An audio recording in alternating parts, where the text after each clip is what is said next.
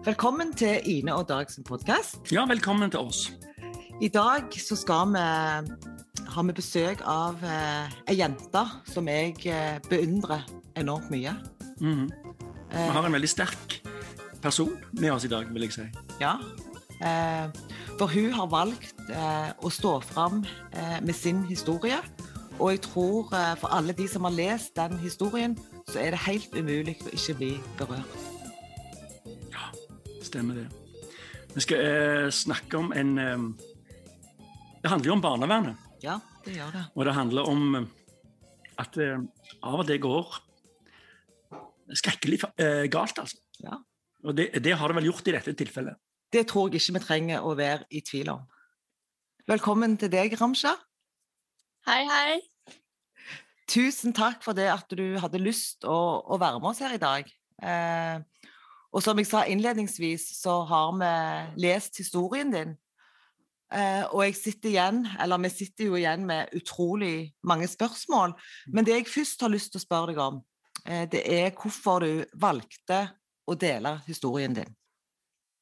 Ja, det er egentlig et veldig godt spørsmål som jeg kanskje ikke har tenkt så veldig nøye om selv. eh, gjennom selv. Um, det er eh, egentlig viktig å få frem um, altså, Det er veldig mange som har et hat overfor barnevernet av både useriøse grunner og veldig gode grunner. Jeg tenker at eh, de med gode grunner, eh, som har virkelige erfaringer der hvor det har blitt grovt eh, på en måte vært en grov omsorgssvikt, sånn som det handler om i den saken her, at det er viktig å få frem det eh, for befolkninga, og eh, sånn at det blir politisk engasjement, slik at det kan bli noen endringer, ikke sant.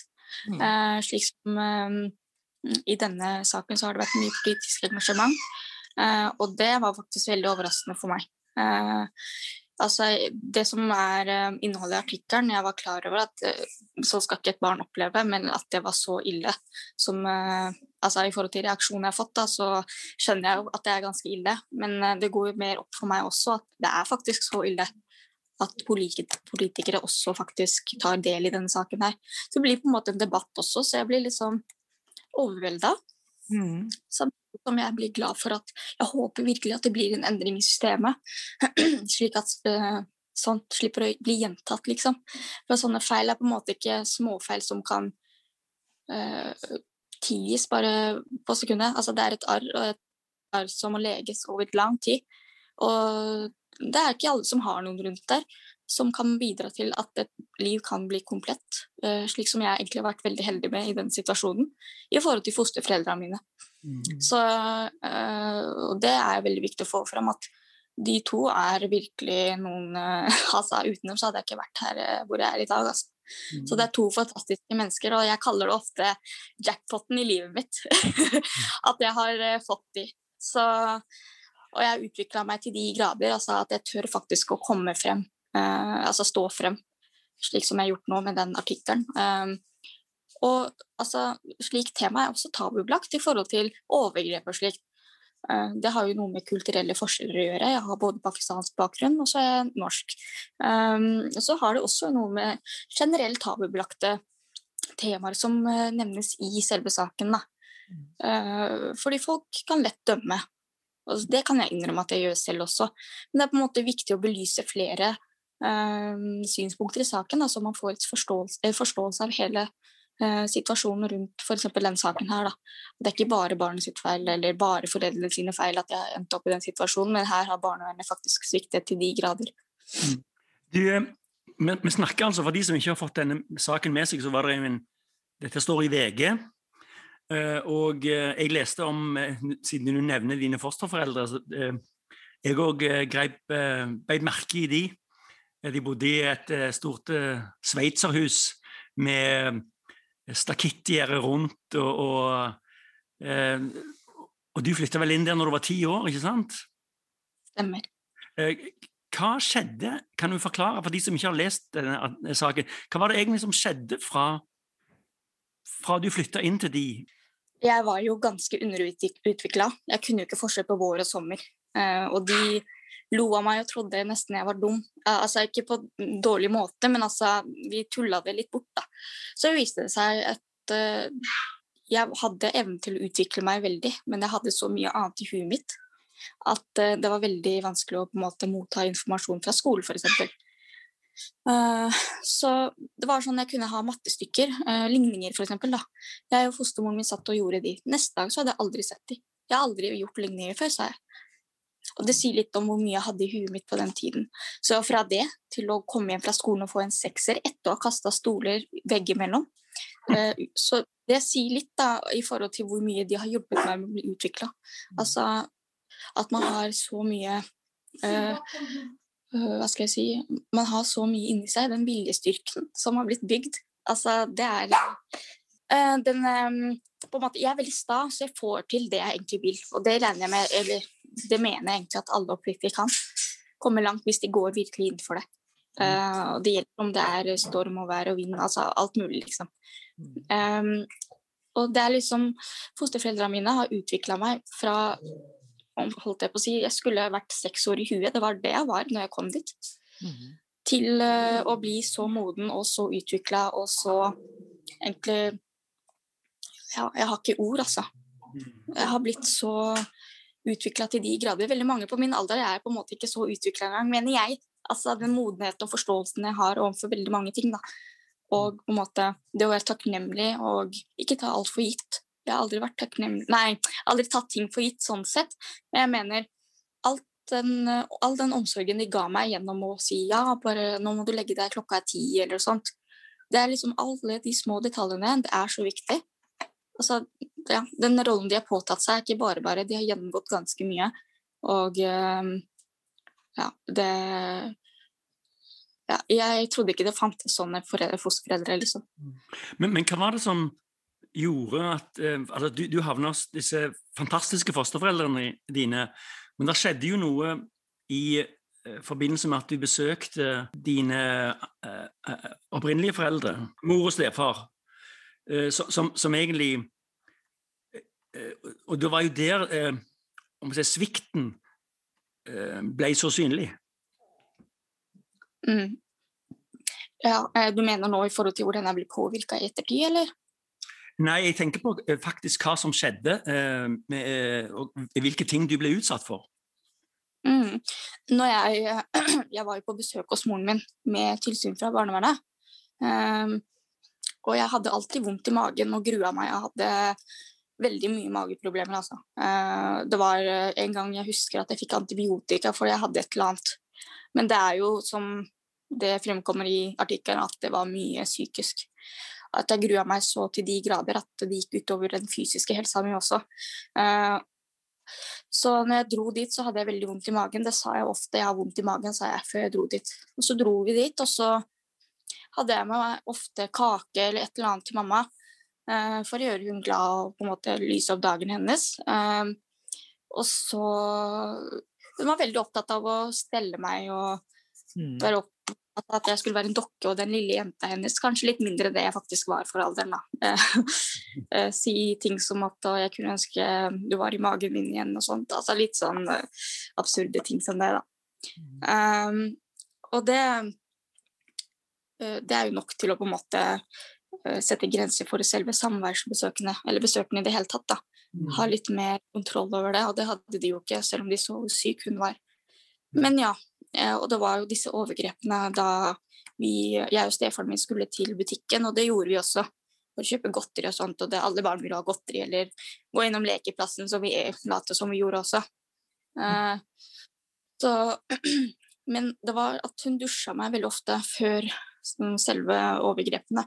Dusja meg, var veldig opptatt av det, og uh, barberte meg og sånt. Og jeg hadde jo ikke hår på den tida heller, ikke sant? så det var litt sånn ja, så dusjing og parfymering og altså ja, skraping av negler på visse deler av kroppen og vaselin og sånt overalt. Så altså Så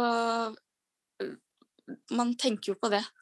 At mamma hadde nok Eller det er min teori at hun dessverre kanskje hadde en stor del av denne overgrepssaken i forhold til at hun la opp til det. Og i og med at hun var siktet. Ja. Men eh, ja, vi dro på butikken, og så uh, var det også dra ned i boden. Uh, som var i U-etasjen, da. Mm. Uh, I den samme blokka som mamma bodde i. Mm. Og der foregikk det overgrep. Um, altså, jeg prøver jo veldig godt å fortrenge det, det er jo ikke noe man ønsker å huske detaljert. Uh, nå har jo jeg sett på en del av bilder som er i artikkelen i forhold til uh, åstedsbilder. Um, Og det gjør, forhold ja, gjør det noe med deg når du ser de bildene? altså, jeg tror det gjør så mye med meg at jeg kjenner ikke. Mm. Altså, man på en måte uh, beskytter seg selv uten at du nesten vil det, hvis du skjønner. Man vil jo gjerne føle noe, Mm. men uh, det blir en såpass sterk forsvarsmekanisme at man blir beskytta uansett. det, det, som, eh, det var jo mange ting som gjorde inntrykk eh, i den historien. Eh, du ser ei lita, nydelig jente, eh, for det er jo bilder av deg når du er liten. Og så leser du videre, og så tenker du bare å herregud, eh, hvordan kan dette skje? Og når du òg sier eh, at du skulle bare ønske at de som var der på tilsyn, hadde bare blitt med dere i butikken. Og så, Mhm. te så tenker jo jeg litt sånn eh, For jeg har jobbet i barnevernet sjøl i 14 Mm. år. Og så, så tenker jeg sånn Shit, kunne dette ha vært Kunne dette skjedd meg? Kunne jeg vært en sånn en eh, Jeg har gått mange runder med meg sjøl. Kunne jeg vært en sånn en tilsynsperson som hadde tenkt sånn Å, så koselig. De, det virker som hun har det så kjekt når hun er der, og selvfølgelig skal de Mm. få gå på butikken og, og kjøpe snop. Eh, Jeg har gått mange sånne runder med meg sjøl, men det jeg egentlig har på en måte liksom kokt ned til, det er det at eh, man kan gjerne, det kan gjerne skje én gang, men det er jo når det skjer over så lang tid og gang på gang på gang, at det, det, liksom, alarmen burde nok gått. er jo min teori, og det mener vel gjerne du òg, Ramsha? Det som er, da, det, det er så mange klare eh, varsler her som altså, det går ikke an å overse det. I forhold til at den første overgrepssaken eh, som ble anmeldt, eh, som ble henlagt pga. Pga. bevisets stilling. Altså En mistenkt overgriper å la barnet sitt dra dit igjen, det er jo helt absurd. Man gjør jo ikke det. Altså Det gjelder alle altså private hjem også. altså. Det hadde vært helt sykt hvis noen gjorde det. Sendte dattera si eller sønnen sin til en mistenkt overgriper. Man gjør jo ikke det før man faktisk får et svar svart på hvitt. ikke sant? Og det å få såpass mange bekymringsmeldinger med mistanke om overgrep uh, Og uh, på en måte Altså så mange varsler fra alle kanter. Mm. Men selve ansvarlig, som var barnevernet da, på den tiden, ikke på en måte tar det på alvor. Det går ikke an å på en måte feie det under matta, altså, for det er, eh, her får du um, klar bekymringsmelding, og da må man undersøke det. Det er ikke noe, altså, det er ikke noe tvil rundt det.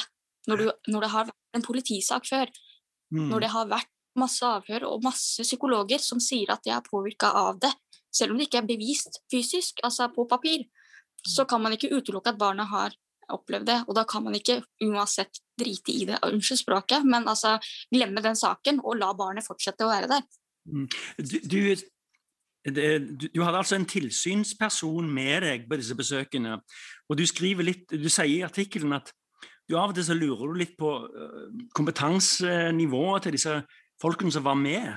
At de ikke hadde erfaring nok. Kan du si litt om det? Det var veldig unge folk. Nå skal ikke jeg si noe om unge folk og deres kompetanse, men uh, jeg la merke til, til at det var veldig mange unge folk som var tilsynsførere. Uh, uh, og jeg har i ettertid på en måte hørt også at de syntes det var ubehagelig å være der, og det forstår jeg ettersom de vet hva som har skjedd nå. Men det var liksom Å komme inn døra, så var det at de tok av seg på beina, og så gikk de rett i sofaen. Bare gikk forbi, liksom. Alt sammen. Uh, og jeg på rommet til mamma eller til stefar, liksom. Det var liksom De hadde bare fokusert på sofaen, holdt jeg på å si. Mm. Uh, så det er liksom uh, Jeg vet ikke. Jeg husker det veldig godt. Mamma hadde jo en sånn mm, liten hylle ved siden av sofaen med ukebladet, For alle visste at de leste ukebladet, så selvfølgelig gjorde vi det tilgjengelig. Så det var liksom enten det. Og det er liksom, ja, når man har fått beskjed om å passe på et barn i forhold til, ja, i denne situasjonen at de skulle passe på at vi ikke snakka urdu, morsmålet, Mm. det er jo en liten bagatell i forhold til hva man egentlig ja, altså i forhold til hva som egentlig har skjedd. Og jeg tenker at Man skal ikke tro at alle barn blir uh, utsatt for overgrep, og hvordan man kan gripe inn i en sånn situasjon, som at da jeg ble dusja, eller at jeg gikk til butikken med stefar og sånn. Ja, det er vanskelig å gripe inn, men da, du, da er du i feil jobb, tenker jeg. Hvis du ikke tør å gripe inn og tør å ta plass når du har et ansvar, mm. da, du, da, må du jobbe med noe annet. For du er der for å passe på barnet, og da må du nesten glemme alle de andre rundt. Det er en kolossal jobb. Ja. Altså, det er en veldig viktig jobb. Mm. tenker jeg. Jeg har ikke den erfaringen som du har, Ine. Nei, nei, men barnet er jo helt avhengig av, av tilsynspersonen. Ikke sant? Mm. Så det er jo Jeg vil jo bare støtte meg til det du sier, Ramsha, at eh, hvis man er tilsynsperson, eh, så må man ikke være redd for å gripe inn hvis man føler ubehag eller tenker 'her er det noe'. Ikke sant? For det at eh, du er fullstendig avhengig av den personen som er med deg. Det er en grunn til hvorfor det er blitt bestemt at det skal være tilsyn. Eh, og da må jo òg det følges opp på, på en god måte. Og jeg, og jeg, tenker at dette viser jo på en måte en, en systemsvikt, ikke sant? At her mm. eh, har, det, har, det, gått forferdelig galt. Og så kan en gjerne si sånn Ramsha Nei, men, men eh, sånn er det ikke overalt. Eh, og det er det nok ikke heller. Men samtidig, din sak, det er én sak for mye. Det skulle aldri ha skjedd. Og så lurer jeg litt på eh, hva du tenker. Altså, har du Eh, kjenner du masse, har du masse sinne til barnevernet? Tenker du at det, du har ingen tillit? Og eh, altså, hva, følelser kjenner du på liksom, barnevernet, når du tenker på barnevernet i dag? Det er altså Det er veldig varierende fra bydel til bydel hva slags meninger jeg har. Mm. Uh, men jeg tenker det er veldig mange som er veldig opptatt av ja, de har utdanning og that's it. Men erfaringer telles veldig mye, altså. Mm. Det blir en helt annen utførelse av jobben. Det blir mer kvalitet og mer genuint uh, hvis man har erfaringer selv. Jeg tenker at de, Erfaringskonsulent, for eksempel, da, de burde vært på flere områder. Eh, F.eks. innenfor barnevern. da. Um, for jeg tenker at mange av de har ganske mye de kan bidra med, mm. selv om man ikke har utdanning. Uh, og det fordi Hvis man har erfaringer selv, så kan man ut ifra det hjelpe en helt annen person, kanskje som er i samme situasjon. da. Eh, Istedenfor å på en måte bruke boka fra utdanninga. ikke sant? Jeg tenker det blir veldig mye feil der også, for det som man lærer i utdanninga, det er veldig objektivt, og vi er individuelle mennesker. Hvordan skal du tilpasse noe objektivt inn mot et, mot et individuelt menneske? Det går ikke. Der, der tenker jeg at erfaringer kommer inn. Og det er det jeg mener, at i barnevernet så føler jeg at det er veldig mange uerfarne. Både i forhold til eh, selve altså jobbmessig, hvor lenge de har jobba der, og i forhold til opplæring og erfaring. Mm. Det er mye mangel på det. da. Til sammen så blir jo det ganske mye. Mm. Uh, og det er der jeg syns feilen kommer inn. Altså, det blir så firkanta system. Det er på en måte ikke tilpassa individuelle mennesker, da, som det egentlig handler om her. Mm. Uh, det er liksom et A4-ark vi krølla papirer skal passe inn i. Mm. Det, det, det, stemmer jo litt sånn meg og deg har jo snakket om det før, Ine, at det er veldig mye krav fra regjeringen for eksempel, om at det skal være kompetanse. Og da mener du jo formell kompetanse. Mm. Det er de rette antall vekttall og ditt og datt. Men det du mm. snakker om, Ramsha, det, det, er jo noe annet. Mm. At, at en har uh, kanskje livserfaring, eller? Ja, og, og jeg tror at uh, kunnskap sammen med erfaring er kjempeviktig. Altså Det ene utelukker ikke det andre, men jeg tenker de to tingene sammen uh, er veldig bra. Mm. for samtidig som, som at det blir hele veien det blir, jo stilt høye krav, stadig høyere krav i barnevernet om, om utdanning, og bl.a. at folk skal ha master. Men, men din sak og din stemme, det tenker jeg er, altså en, bør være en sånn en enorm eh, wake-up for oss alle som er opptatt av barn og unge, og for, altså for vanlige mennesker. Mm. Eh, til å skjønne kompleksiteten og verdien av at, eh, at du eh, står fram sånn som du gjør. Og det har sikkert vært enormt sånn overveldende for deg, og du blir sikkert kontakta av mange. Eh, og jeg, jeg, håper jo at din sak kan føre til endringer på systemnivå. Mm. mm. For, jeg, for, selv om at jeg er, er barnevernsdame, så tenker jeg eh, de tingene, dine erfaringer, din historie, det er jo det som skal få meg til å lære. Det er det som skal få meg til å bli en bedre sosialarbeider. Og jeg er så evig takknemlig for at du har eh, altså at du har våga å stå fram for forklart at det må koste, Ramsha. Mm. Har du fått eh, Hvor, hvor mye, um, hvor mye pes har det vært etter dette sto på trykk? Det har vært en del. Og eh, overraskende nok jeg, tenker, jeg, sier jo overraskende nok, fordi folk har jo sine meninger, men jeg har bare fått gode tilbakemeldinger. Mm. Eh, altså at jeg er sterk og viser styrke og utrolig modig og sånt. Eh, og for meg så Jeg er jo sånn. Altså jeg er rett frem, jeg tør å stå frem. altså ja, jeg går aldri rundt grøten. Jeg sier ting som det er, og jeg trår til om det er noe, jeg nøler ikke. Så når folk sier det til meg, så øh, blir jeg overraska, liksom. ja. For jeg er jo med meg Nå er jo det de beskriver hele tiden. Så at folk også måte, Jeg vet ikke hvordan jeg skal forklare det, men det blir jo en boost, altså. Det er en styrke jeg alltid tar, altså, tar til meg, og så kommer jeg til å ta det med meg videre.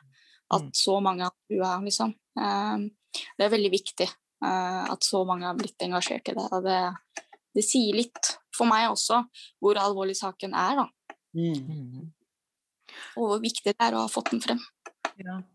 Men, men uh, hvis du skulle gitt noen råd, sånn konkrete råd til de som jobber i barnevernet, hva ville du sagt til dem? Det er veldig mye fokus på budsjett.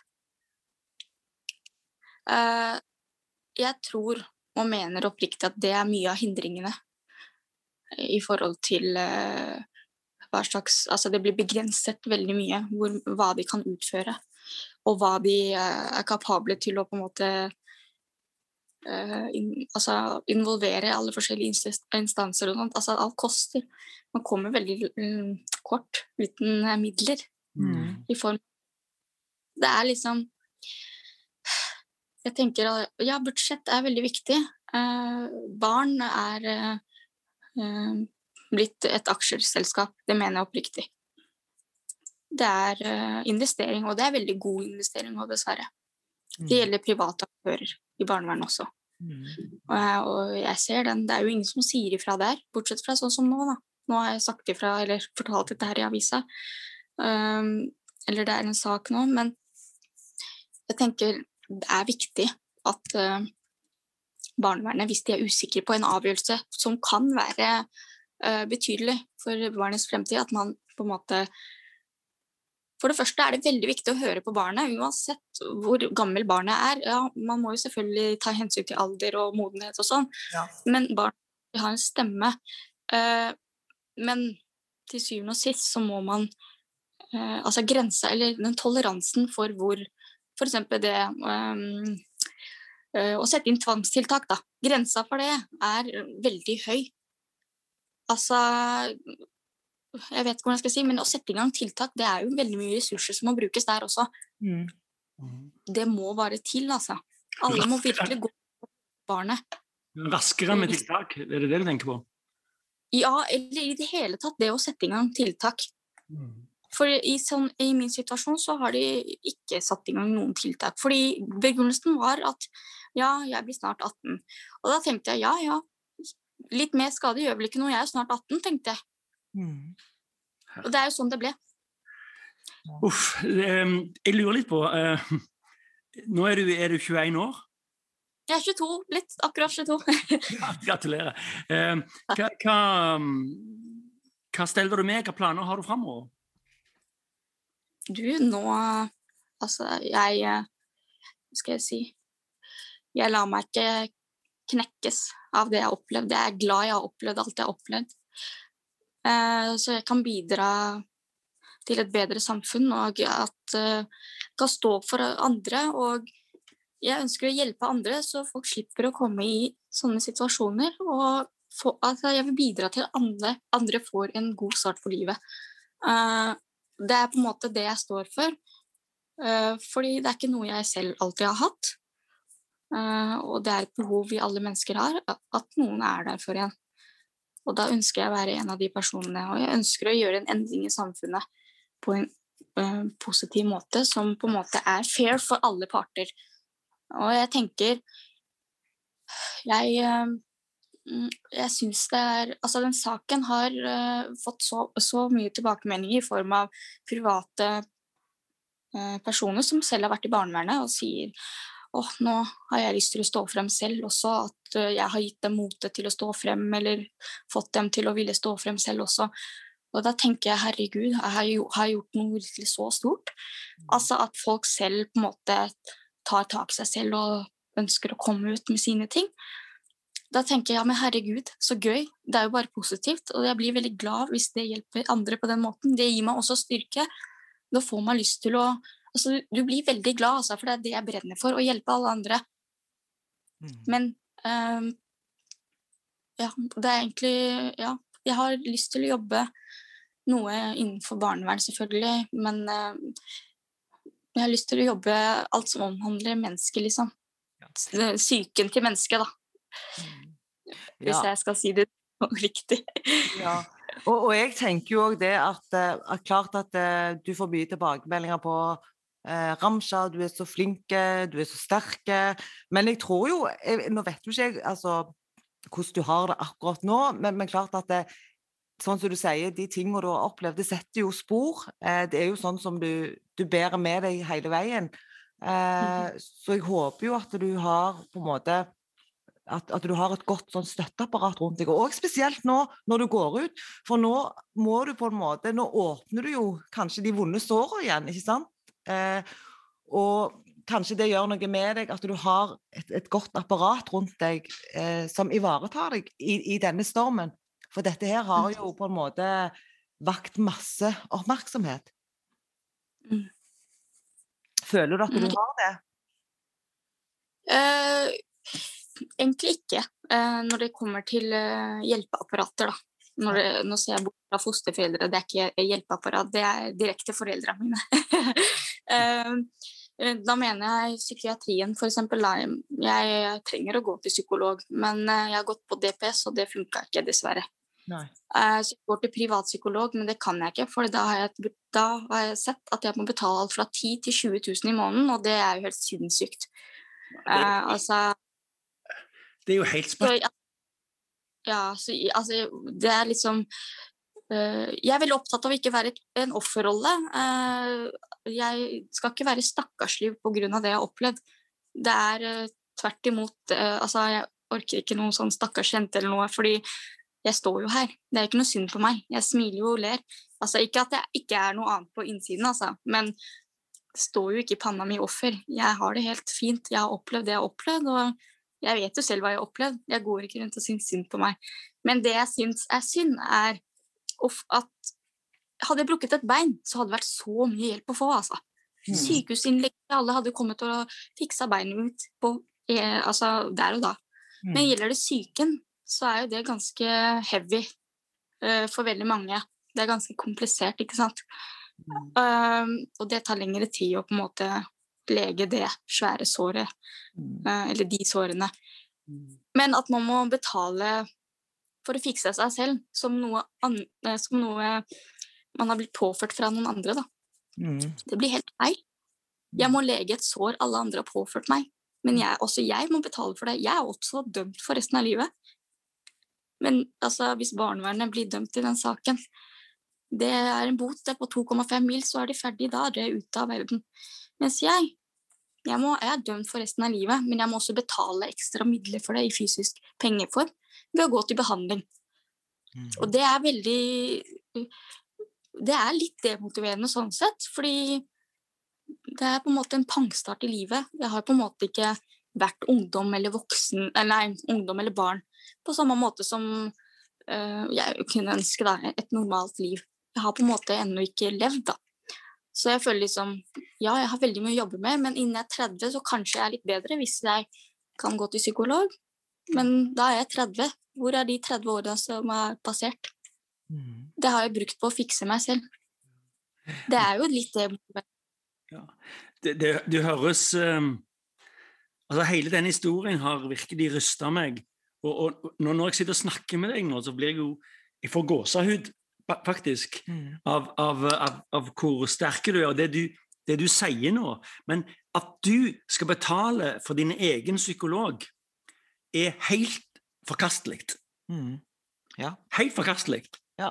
Her eh, er òg på en måte et stort forbedringspotensial i, i, systemet, tenker jeg. Og mm. derfor er det jo så fint at du òg på en måte påpeker det. Og når du sier det at du, du er ikke et offer, det er ikke synd på meg. Men, men jeg, men jeg syns synd på deg, Ramsha. Jeg gjør det, for jeg ønsker jo ikke eller ingen, ikke bare jeg, Dag òg, eller hvem som helst. Altså, mm. Det er jo ingen som ønsker at det er det du har opplevd, eh, for noen. Og alle som på en måte har levd et liv, forstår jo òg at, at, det gjør noe med en person, ikke mm. sant? Så eh, mm. det er lov å si, vet du hva eh, Av og til er det litt tøft å være ramsja, og jeg har gode dager, jeg har dårlige dager, men, men eh, mest av alt så er jo din stemme en stemme for mange, mange, mange barn som mm. kanskje har opplevd det samme eller eh, noe lignende. Og at det, sånn som du sier, at det, det gir deg imot, det gir deg imot til å, å stå fram. Og kun på den måten, bare pga. din stemme, så kan vi få til endringer på systemnivå. Og jeg hører når du mm. snakker, jeg hører både en eh, politiker i deg, jeg hører en sosialarbeider i deg. Altså, du har jo ja, du, Jeg hører en politiker. Du hører en politiker. Ja, altså, altså, dette hadde gått uh, Altså, dette er det folk som bestemmer i dette landet, som har godt av å høre på. Ja, og, ja, og det, det, er kjempeviktig. Og jeg tenker at vi skal aldri altså Systemet må aldri være så hovmodig at en ikke på en måte tør å innrømme feil. For det at når man jobber med mennesker, så vil det alltid bli begått feil. Men da må, da må man kunne si på en måte unnskyld, her har det blitt begått en feil. ikke sant? Det, det, det er min eh, oppriktige Det jeg har lagt merke til, unnskyld å avbryte, ja. unnskyld fra barnevernet, det er det vanskeligste du kan gjøre, få. Eller få Altså, unnskyld fra barnevernet, det får du veldig sjelden. Da er det noe helt spesielt. Unnskyld er ikke et veldig stort ord, men det blir det når det kommer fra de. Mm. Fordi de gjør det så sjeldent. Mm. Så det har jeg ikke fått ennå. Så det er uh, litt spesielt. Men tilbake til det med når du sier ja, dårlige og gode dager. Ja, så klart. Jeg har dårlige og bedre dager. Ja. Jeg har nedturer som alle andre. Men um, jeg ønsker ikke å på en måte fremstilles uh, f.eks. på jobb som en som har det vanskelig. Jeg vil være akkurat som alle andre, ha jobb, gå på, altså, har bikkje, har samboer, har leilighet og bil og være oppegående, da, som mm. det så fint kalles. um, og det har jeg faktisk eh, Det har vært litt negativt også, fordi da har ikke systemet kanskje catcha hvor ille det kanskje har vært, fordi jeg har vært det som blir beskrevet i artikkelen, en skuespiller. Og det er jo også for å beskytte meg selv, men også blir det jo destruktivt, for jeg får jo ikke den hjelpen jeg også trenger, fordi jeg så gjerne vil være den oppegående ramsja som vil klare seg selv. Jeg vil jo være selvstendig, og det er jeg jo nå, det er jo ikke det. Men det er viktig å vite det at så klart det her har berørt meg. Det er jo ikke sånn Jeg smiler ikke fra mm. øre til øre hver dag. Mm. Det er vanskelig. Ja, Så du har vært nesten for tilpasningsdyktig eh, til mm. å få hjelp? Absolutt. Mm. For at jeg skal bli enklere. Fordi, for jeg, hvis jeg hadde vært hos, hvis jeg var hos, eh, eller når jeg var hos psykologer, da, og jeg følte at de ikke traff meg, så var det sånn at jeg ønsket at de ikke skulle føle seg dårlig i jobben sin, så jeg satt der og sa mm, ja, veldig bra. Ja. Det er et vanlig eh, fenomen hos psykologer at folk får eh, lyst til å hjelpe psykologen med å få et resultat. Ja. Ja. Men, men, men, jeg vet jo òg det, Ramsha, og det skal du bare vite, at uh, det er veldig mange i, i barnevernet rundt i Norge som har reagert, ikke sant? og er veldig mm. klare på at det, sånn skal det ikke være. Uh, men hvis du skulle gitt Du sier jo at det er andre som har kontakta deg, men hvis du skulle gitt et råd til andre i samme situasjon, som kanskje har lest artikkelen, som kanskje kommer til å høre på vår podkast-episode, hva råd ville du gitt dem? Hva tenker du på da, egentlig? Litt mer spesielt? Nei, Hvis det er noen andre barn eh, som er i lignende mm. situasjon, ja som kanskje har lest artikkelen din, som kanskje kommer til å høre på podkasten vår. Eh, hva, hva ville du sagt til de? Uh, uh, jeg har jo vært heldig og hatt fosterforeldrene mine der. Ikke sant? Så jeg har hatt de å gå til, og de har hjulpet meg til de grader. Og det er det ikke alle som har. Jeg tenker at eh, det er viktig å ikke gå til grunne for det man har opplevd. Man er ikke alene. Det vil alltid være noen der som eh, vil lytte og hjelpe en, men man må finne de rette personene. Altså, jeg vil gjerne hjelpe andre, som klart, og som sagt. Eh, er det noe liksom, folk lurer på, så er det bare å kontakte meg. Jeg biter ikke. jeg syns det er veldig ålreit å hjelpe andre. Uh, men samtidig må jeg hjelpe meg selv også. Men jeg syns det er viktig at Det er mye lettere å snakke med noen som har erfaringer. Mm. For de skjønner på en helt annen måte enn de som kanskje ikke har så mye erfaringer. Da. Det blir mye enklere å snakke om ting også. Det blir ikke så flaut, det blir ikke så ja, Man går ikke rundt grøten, man er mer direkte og ærlig. Og man kommer fort i mål, eller i hvert fall begynner på en finere, bedre prosess da, raskere. Mm. Jeg tenker at uh, man må ikke nøle med å ta et skritt videre. Man taper ikke noe på det. Jeg tenker jo òg det at du sitter her i dag, eh, at du er ute i jobb, sånn som du sier. Du har lappen, og du har leilighet. At du er jo på en måte òg et bevis på at på tross av at man kan oppleve de jævligste tingene på jord som du har opplevd, så går det an å få det bedre. Sant? Så du gir jo håp, for livet kunne jo endt på, på mange måter.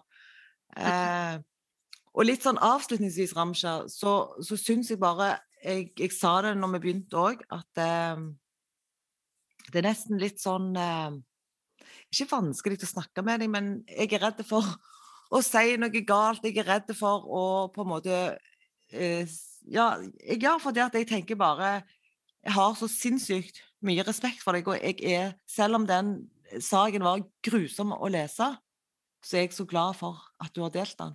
For den har vært så, så viktig for meg, og den bare er med og, og hjelper meg til å forstå eh, ungdommer som deg enda bedre. Mm. Da syns jeg vi skal runde av litt. Og, og jeg må bare si eh, tusen, tusen takk for at du var med.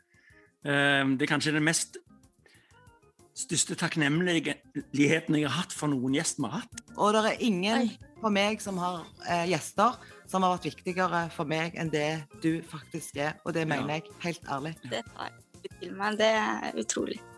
Og så må du hilse eh, fosterforeldrene dine. Det vil jeg gjerne gjøre. De hørtes ut som noen veldig ålreit folk. Så jeg må hilse til de. Ja, og hvis du på en måte tar turen til Stavanger, vet du, da må du komme og, og hilse på oss i, i levende live. Ja. Det gjør jeg gjerne. Ja. OK. Da får du ha det fint. Ha det bra. Lykke til. Takk. Ha det.